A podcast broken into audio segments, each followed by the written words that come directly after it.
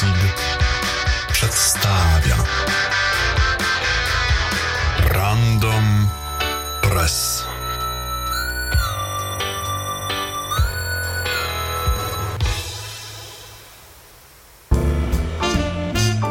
Zamiast w lipcu iść na narty, poczytajmy list otwarty o jabłuszku robaczywym i standardzie uporczywym o droidach wyzwolonych i botnetach Linuxowych. Dzień dobry, witam w 17 odcinku podcastu Random Press, cyklicznej audycji poświęconej cyberbezpieczeństwu, informatyce śledczej i programowaniu komputerów. W dzisiejszym losowym przeglądzie prasy dowiemy się o systemie iOS, czyli Androidzie wolnym od usług Google'a, pierwszym bocie służącym do ataków DDoS, który wykorzystuje DNS over HTTPS kłopotach sieci 7-Eleven z aplikacją do płatności w Japonii, fałszywej witrynie imitującej Allegro i liście otwartym prezesa OpenID Foundation do koncernu Apple. Wolna od powiązań z usługami Google'a wersja Androida, nazwana iOS w zapisie slash e slash os, staje się coraz bardziej popularna – Francuska organizacja pozarządowa, której celem jest uwolnienie użytkowników smartfonów od powiązań z konkretnymi usługodawcami, od jakiegoś czasu wchodzi w partnerstwa z producentami urządzeń, na przykład firmą Samsung. Będziemy więc mogli już w przyszłym tygodniu nabyć modele Galaxy S7 i S9, na których zainstalowano wolną wersję Androida. O zdanie na temat odgooglowania telefonu zapytałem Pawła Krawczyka, eksperta do spraw bezpieczeństwa informacyjnego, byłego członka Rady OWASP Polska i niezależnego konsultanta operującego ostatnimi czasy w Wielkiej Brytanii, który już jakiś czas temu uwolnił własne urządzenie z zamknięcia w obrębie jednego dostawcy popularnych usług sieciowych. Twój telefon nie ma ani, e, nie korzysta ani z iClouda, ani z usług Google'a. Jak robisz backupy skrzynek kontaktowych, e, wiadomości? Robisz je lokalnie, sobie kopiujesz, czy... Nie, nie, absolutnie. Wiesz, to e, ja zanim zdecydowałem się na przejście na Androida bez żadnych aplikacji Google, absolutnie nie chciałem się cofać do, wiesz, poprzedniej dekady. Nie chciałem, wiesz, robić kopii e, z, przez kabel i tak dalej, bo to jest niewygodne, to nie ma sensu i to nie działa. To znaczy nie jesteś w stanie, ja nie jestem w stanie jak gdyby zapewnić takiej dyscypliny, żeby robić to regularnie. Więc to po prostu nie wchodziło w rachubę. E, rzecz w tym, że jak zaczynasz się przygotowywać do a, wiesz, przejścia na inną chmurę, inną niż mhm. Apple czy Google, to tak naprawdę y, jak zaczynasz robić podstawowy research, to okazuje się, że to, co ci oferuje Google, to nie jest jakieś, wiesz, rocket science, tylko to są stosunkowo proste rzeczy, które są jak najbardziej zaimplementowane w y, implementacjach open source. Y, jedyna różnica polega na tym, że no, wytworzyło się takie przekonanie, że Google to wszystko daje za darmo, no to po co, to, po co się bawić, wiesz, i robić to e, samemu. A faktycznie samemu to by pewnie nie miało zbyt dużego sensu. Ja dlatego, wiesz, nie bawiłem się w samodzielną implementację tego wszystkiego. Aczkolwiek, gdybym na przykład miał kilka osób, czy jakąś instytucję, firmę, organizację, to prawdopodobnie y, byłby to jak najbardziej właściwy krok. Ja mogę też potem bardziej szczegółowo powiedzieć na ten temat. Natomiast wiesz, co ja zrobiłem tak naprawdę? Pojawiła się na rynku y, dystrybucja która się nazywa e-Foundation. No, e, a oni mają takie, taką dziwną nazwę trochę Flash e Flash. E, natomiast no, nazywa się to formalnie e-Foundation. I to jest francuska organizacja e, non-profit, która postawiła sobie za zadanie zrobienie takiej dystrybucji Androida, e, która jest pozbawiona aplikacji Google. To nie jest trudne, ale również dostarczenie do tego e, całej tej infrastruktury chmurowej. I to też nie jest znowuż rocket science, natomiast no wiesz, jak zajmujesz się inżynierią programowania, to sam dobrze wiesz, że ktoś to po prostu musi zrobić i ktoś tym musi zarządzać. A oni się utrzymują z dotacji, no mniej więcej tak, jak, samo jak na przykład Mozilla i oferują praktycznie to samo, co obecnie masz od Google. W związku z czym w moim przypadku przejście na tą dystrybucję, jak już poczytałem sobie, to było e, jeden dzień na zafleszowanie telefonu a, i drugi dzień na prze, przeimportowanie wszystkich e, a, kontaktów, zaimportowanie kalendarza a, i tak dalej. I, i, I to wszystko. I nic więcej tak naprawdę nie musiałem robić. A, po tym jak e, skończyłem import, to po prostu wziąłem telefon, pojechałem do miasta, i wszystkie kontakty moje były na miejscu. Nie, praktycznie nie odczułem żadnej zmiany. To znaczy, e, tak naprawdę faktu zniknięcia Google z mojego życia w ogóle nie zauważyłem tak naprawdę. To tylko fragment naszej rozmowy. Więcej postaram się wyemitować w kolejnym odcinku audycji Random View, który powinien ukazać się w ciągu kilku najbliższych dni. Zapraszam więc do subskrybowania kanału z użyciem widocznych pod odtwarzaczem przycisków, a także odwiedzania randomseed.pl i strony w serwisie Facebook. ZDNet podaje, że badacze bezpieczeństwa z firmy NetLab odkryli pierwszy botnet, który wykorzystuje protokół DNS over HTTPS do maskowania transmisji. Botnety to struktury złożone z wielu zainfekowanych stacji sieciowych pozostających pod czyjąś kontrolą. Zarządzający botnetem może kontrolować jego działanie i zlecać zarażonym komputerom wykonywanie różnych czynności, np. wydobywanie kryptowalut, wysyłanie spamu czy prowadzenie ataków DOS bądź DDoS.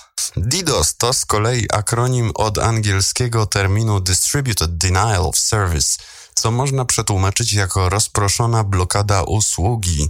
Tego rodzaju ataków używa się, aby sparaliżować działanie serwisów internetowych, na przykład w celach politycznych, nieuczciwej konkurencji bądź po to, aby zażądać okupu.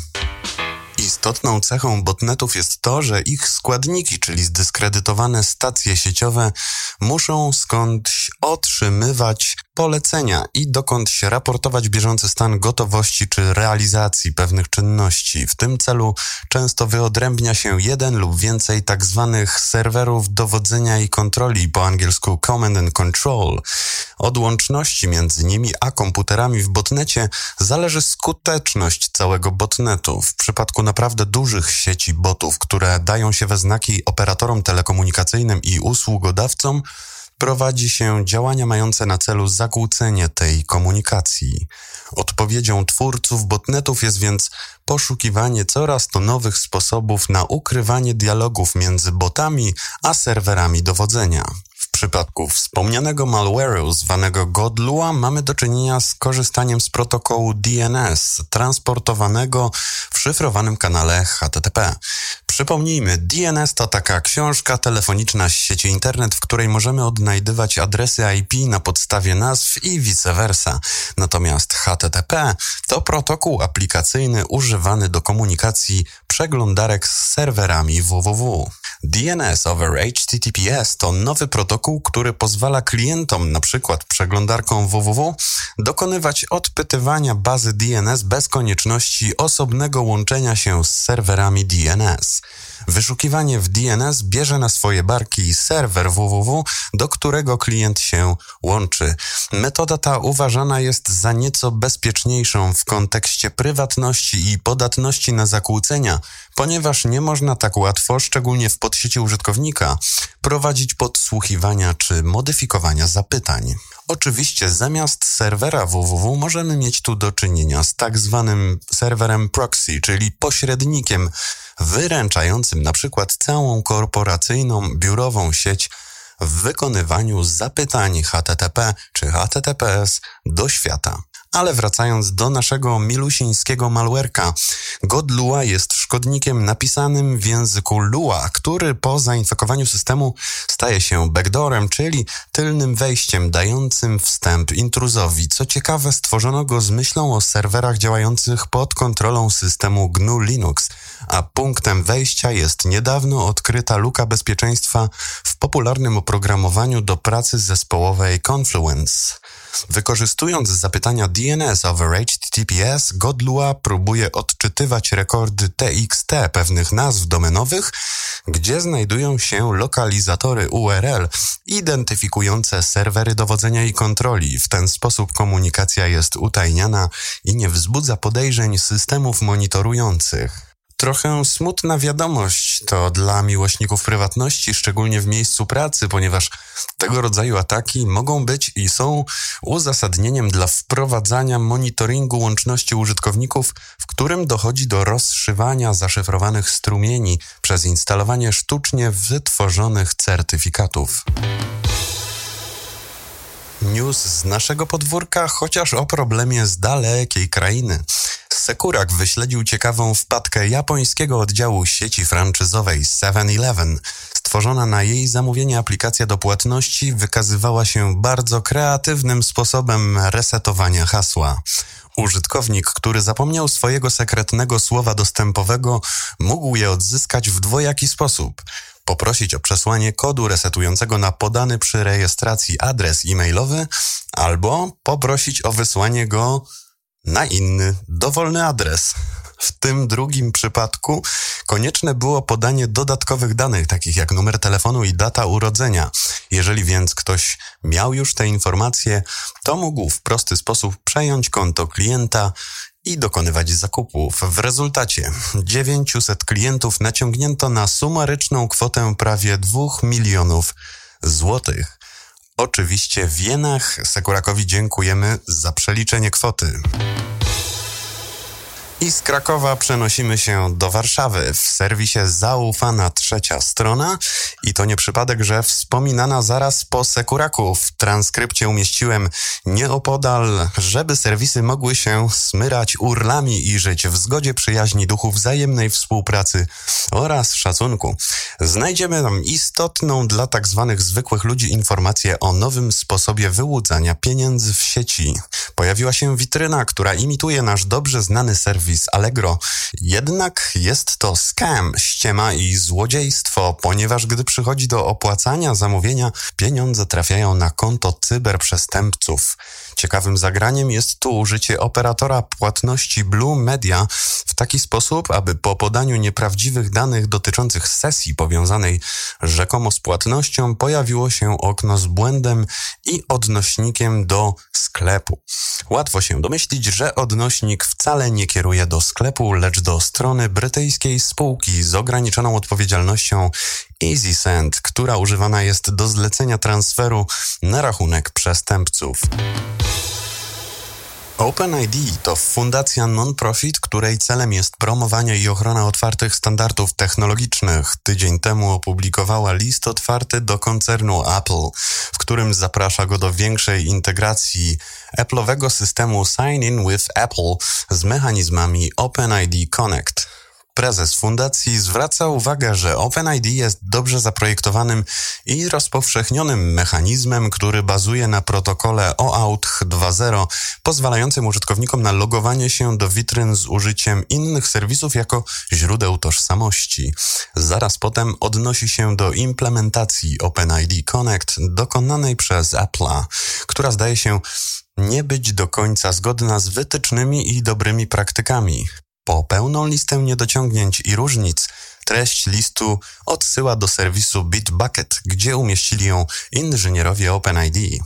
We wspomnianej liście znajdziemy nie tylko niekompatybilności utrudniające integrację z niektórymi usługami, ale również błędy obniżające bezpieczeństwo użytkowników, przykład niekorzystanie z jednorazowego zalążka, który chroni przed atakami typu CSRF, to jest Cross-Site Request Forgery, a także błędnie obsługiwana wartość Code ID Token, która zwiększa ryzyko ataków typu Code Insertion i może prowadzić do wycieków kodów autoryzujących przez nagłówek HTTP referer.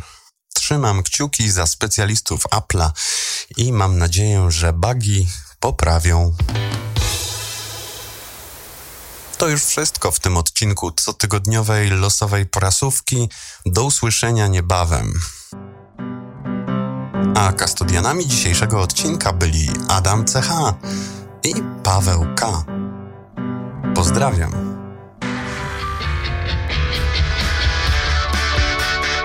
Random Press dla wariatów, outsiderów, dla wygnanych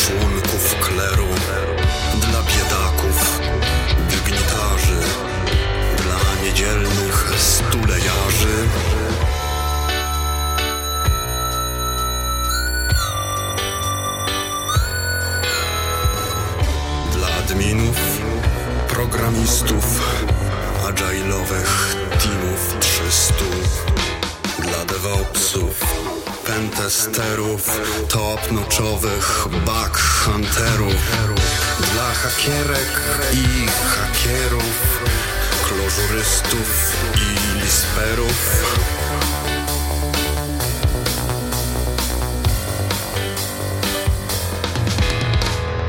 Dla ćwiczących gdzieś dla masy Randomowy przegląd prasy